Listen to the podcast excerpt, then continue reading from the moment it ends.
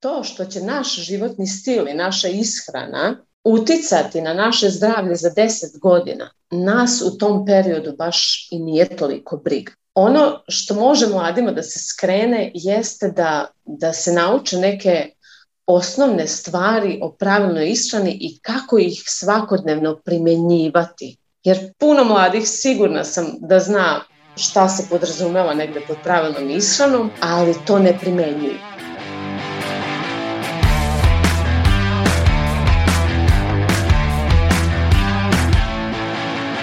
osoba sa insulinskom rezistencijom u Srbiji i regionu iz godine u godinu je sve veći.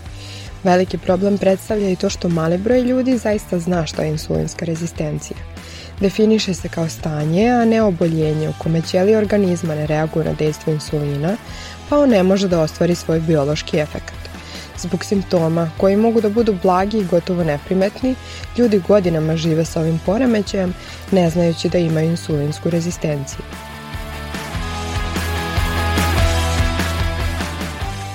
Slušate podcast na zdravlje. Moje ime je Nikolina Ilić i uz mene ćete u narednih nekoliko meseci učiti o zdravlju.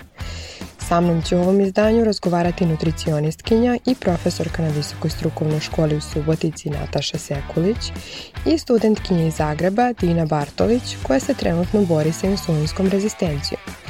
Sa Dinom sam uspela da ostvarim kontakt uz pomoć grupe na Facebooku Insulinska rezistencija. Sa njima ću razgovarati o prevenciji, simptomima i lečenju.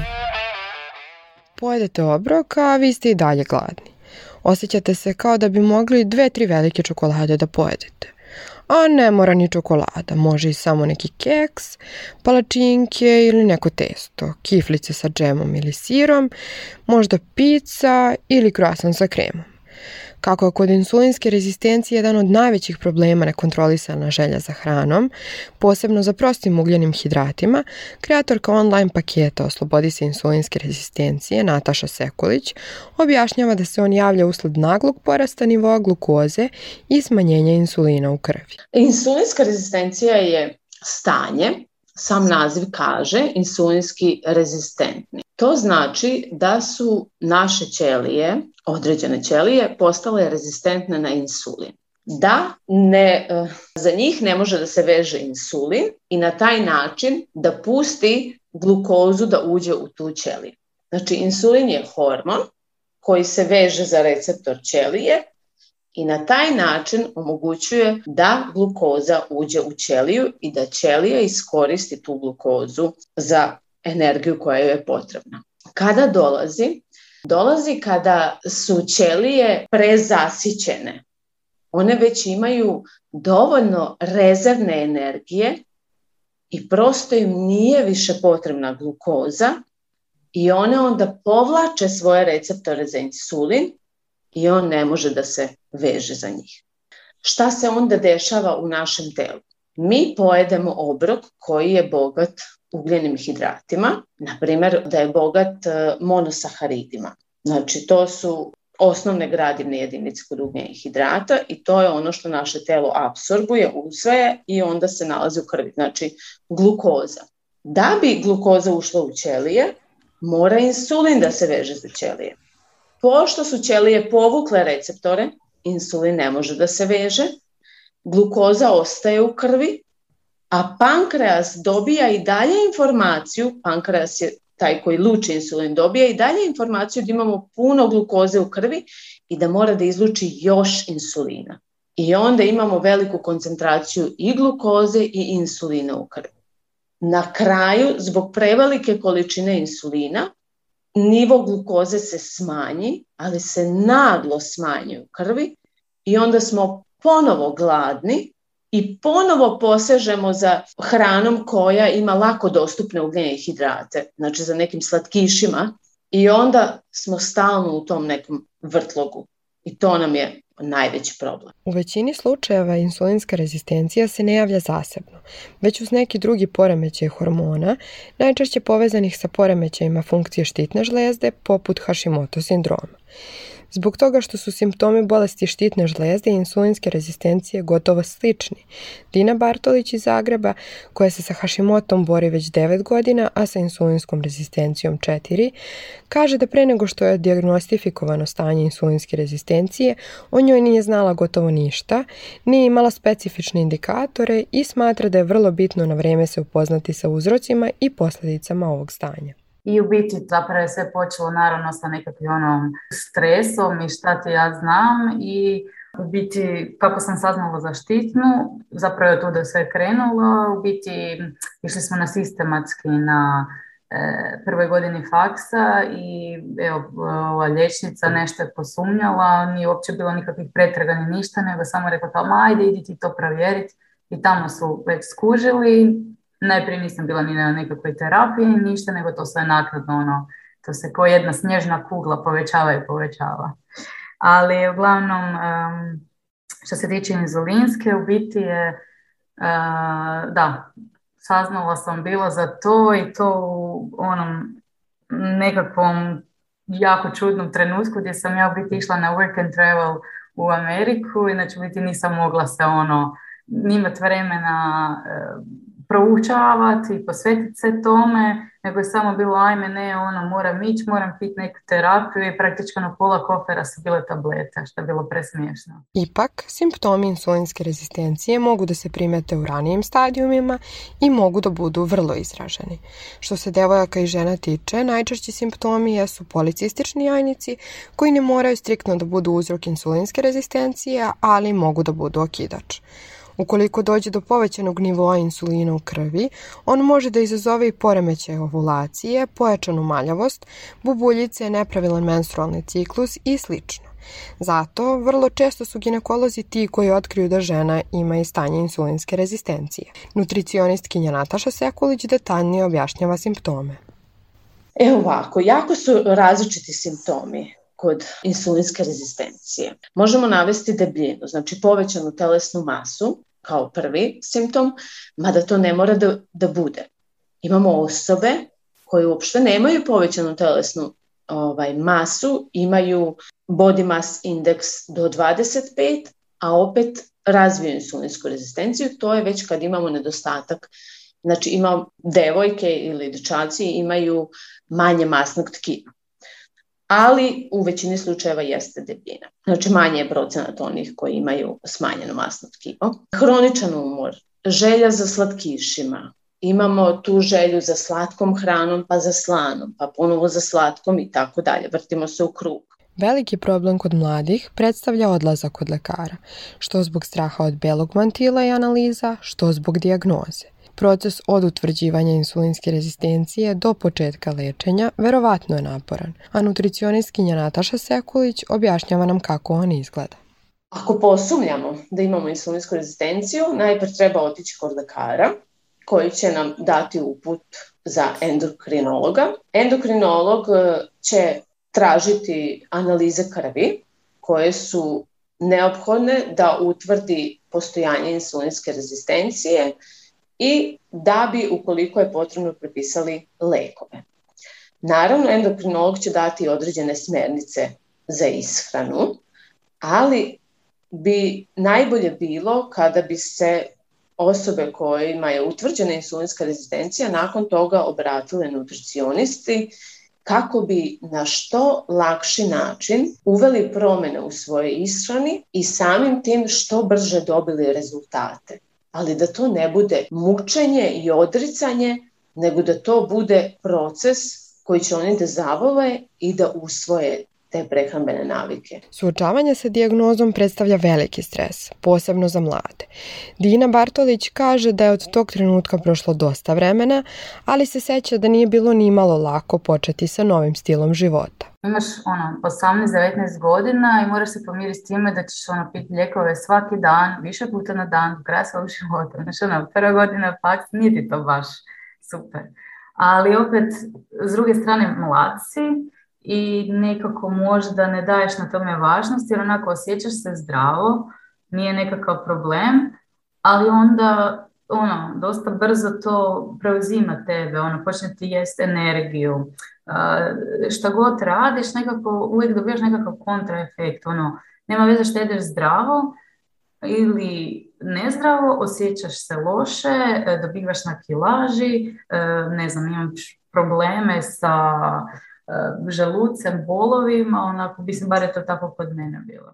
Šta se dosta kroz godine promijenilo, kad sam ja ono, isprobavaš stvari, bitno je isprobavati stvari, isprobaš jedno, ide, ide i onda skužiš ne funkcioniraš. Ok, prebaciš se na drugo i tako sam ja došla do toga da više nije bilo ničega drugog za isprobati nego prehranu bez glutena. I ok, to mi je stvarno bilo dosta pomoglo, S time da e, nisam osoba koja je skroz to izbacila, jer ono, vjerujem da ništa se ne smije skroz izbaciti, jer ipak tijelu treba nešto.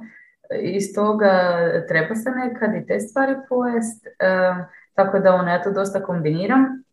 Ono što se jako, jako promijenilo je da počela sam e, to posebice unazad, ne znam, tri godine, u biti puham e, si sama i nosim sve obroke sa sobom ono, od jutra do mraka. I najbitnije je u biti naći šta ti odgovara. E, zato što ne odgovara svima e, sve i doslovno ono, kad nađeš si nešto, evo meni je trebalo ono, koliko devet godina i sad ono tupim po istom, ali znam šta mi odgovara. Proces lečenja insulinske rezistencije može da bude zaista dug, ali ne mora da bude težak ukoliko mi odlučimo tako. Kao što je Dina rekla, bitno je naći ono što nama najviše odgovara. Koliko je u procesu lečenja bitna ishrana, toliko je bitno odabrati fizičku aktivnost u kojoj ćemo uživati i koja će prijati našem telu. To znači da ako niste ljubitelj teretane, možete da je zamenite trčanjem. A ukoliko već ne volite da trčite i prijavom laganija vežba, izabraćete brzi hod. Prema riječima nutricionistkinje Nataše Sekulić, jako je bitno da se ne lečimo putem interneta, već da nam u tome pomognu lekari i nutricionisti. Kada se govori o ishrani, o namirnicama insulinske rezistencije, najčešće se pominje glikemijski indeks. Ja volim da pomenem i glikemijski odgovor, koji je mnogo važniji jer glikemijski indeks nam govori samo kojom brzinom će nivo glukoze da poraste u krvi, a glikemijski odgovor uključuje i celu količinu ugljenih hidrata iz te namirnice, koliko smo je konzumirali. Znači nije važno samo da namirnica bude niskog glikemijskog indeksa, nego i koliko ćemo te namirnice uneti. Još važnije je da ne gledamo pojedinačne namirnice, nego da gledamo ceo obrok. Jedan uravnoteženi obrok treba da sadrži dobar izvor proteina, masti, ugljenih hidrata, pre svega da to budu kompleksni ugljenhidrati i najviše da imamo povrća. Prema Dininim rečima, kao i sve u životu, i proces lečenja insulinske rezistencije vremenom postane lakši i pređe u svakodnevnu rutinu. Ističe i to da nije uvek bilo lako, ali da je najbitnije biti istrajan. Što se tiče fizičke aktivnosti, mene svi ono kao, ajme, majka, mila, kako ti možeš ići, ne znam, u teretanu svaki dan, Eh, u, znala sam ići u šest i pol ujutro, prije posla, na večer, ali ono, svaki dan bar nešto. Šta vi mislite da se meni da?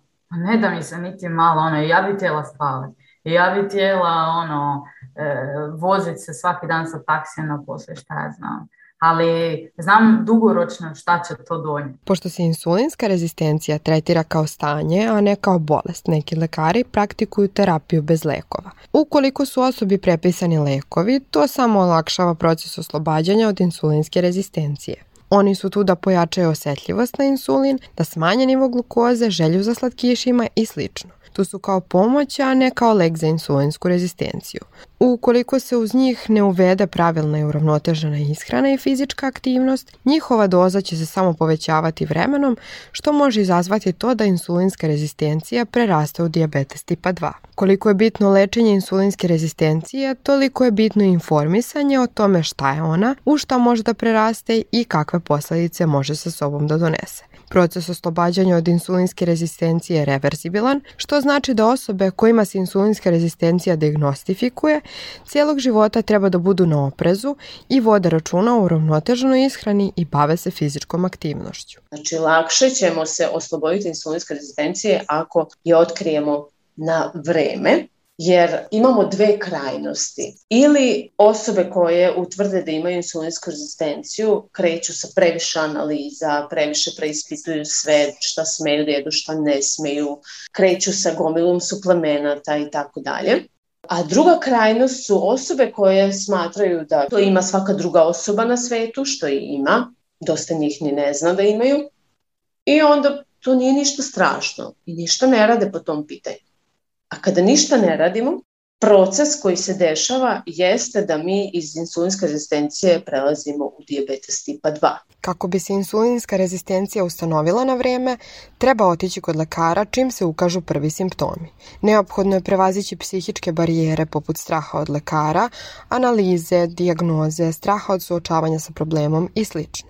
Važno je pre svega edukovati se ovim problemima jer je prevencija i ključ zdravlja. Sada ćemo poslušati poruke Nataše i Dine koje su tu da vas ohrabre i podstaknu da ukoliko imate bilo kakav simptom ili sumnju na postojanje insulinske rezistencije, najbolje za vas jeste da se obratite lekaru. Ako sumnjate da imate insulinsku rezistenciju, eh, treba da odete kod lekara. Ne treba odmah da istražujete na internetu, jer sa tim istraživanjem samo ćete uplašiti sebe i to će vas možda odvesti na neki drugi put. Ne kažem da ne treba da istražujete o bolesti, ali sa namerom da ćete otići kod stručne osobe koja će da vam pomogne. Ne treba da se plašite, jer ako se uplašimo, strah nas parališe i onda radimo akcije koje nisu dobre za nas. Svakako, kogod sumnja, treba obići to provjeriti a, mislim, ništa ne košta, ok, znaš, ono, treba se pomiri sa time, a, a u slučaju da je što prije i poduzet e, sve da ne otiđe tamo gdje ne bi trebalo, jer svi znamo, mislim, ne, ne znamo svi, ali naravno, znači, to je bolest koja prethodi diabetesu, i jednostavno treba ono stati na loptu i ako sad ne uvedeš neku promjenu nažalost kasnije će biti prekasno i u biti da, mislim da treba otići na pregled, e, pričati sa doktoricom prvenstveno i uvesti ono u kontekst priče. E, moraš si naći nešto što tebi odgovara, ne odgovara svima isto, i informirati se na sve strane, ono, pročitati najgluplji članak i najpametniji i slušati mamu i nekako na kraju sve to skupiti i svega uzet pomalo i napraviti mm, e, konačnici nešto što tebi odgovara. Ako ste se i vi prepoznali u ovoj priči, poslušajte Natašu i Dinu, javite se doktorima na vreme, jer kao što je Dina već rekla, kasno može biti prekasno. Insulinska rezistencija ne mora da bude bauk ukoliko se pravilno tretira i ustanovi na vreme. Vodite računa o vašem zdravlju i telu jer je to jedino mesto gde možete da živite. Povećana telesna težina, stalna želja za slatkim, za slanim, pa ponovo za slatkim. Možda i neradovna menstruacija ako ste žena stres kao kidač ili postojanje neke hronične bolesti. Sve su to neki od mogućih simptoma insulinske rezistencije, što je i bila tema ove epizode podcasta. Vi ste slušali prvu epizodu podcasta Na zdravlje. Moje ime je Nikolina Ilić, a sa mnom su razgovarale nutricionistkinja Nataša Sekulić i devojka koja se hrabro i uspešno bori protiv insulinske rezistencije Dina Bartolić podcast možete poslušati na sajtu Fabrike kreativnosti, Spotify-u, Podcast RS-u, Sounder FM-u, kao i na Google podcastu. Hvala na pažnji i pozdravljam vas do sledećeg slušanja.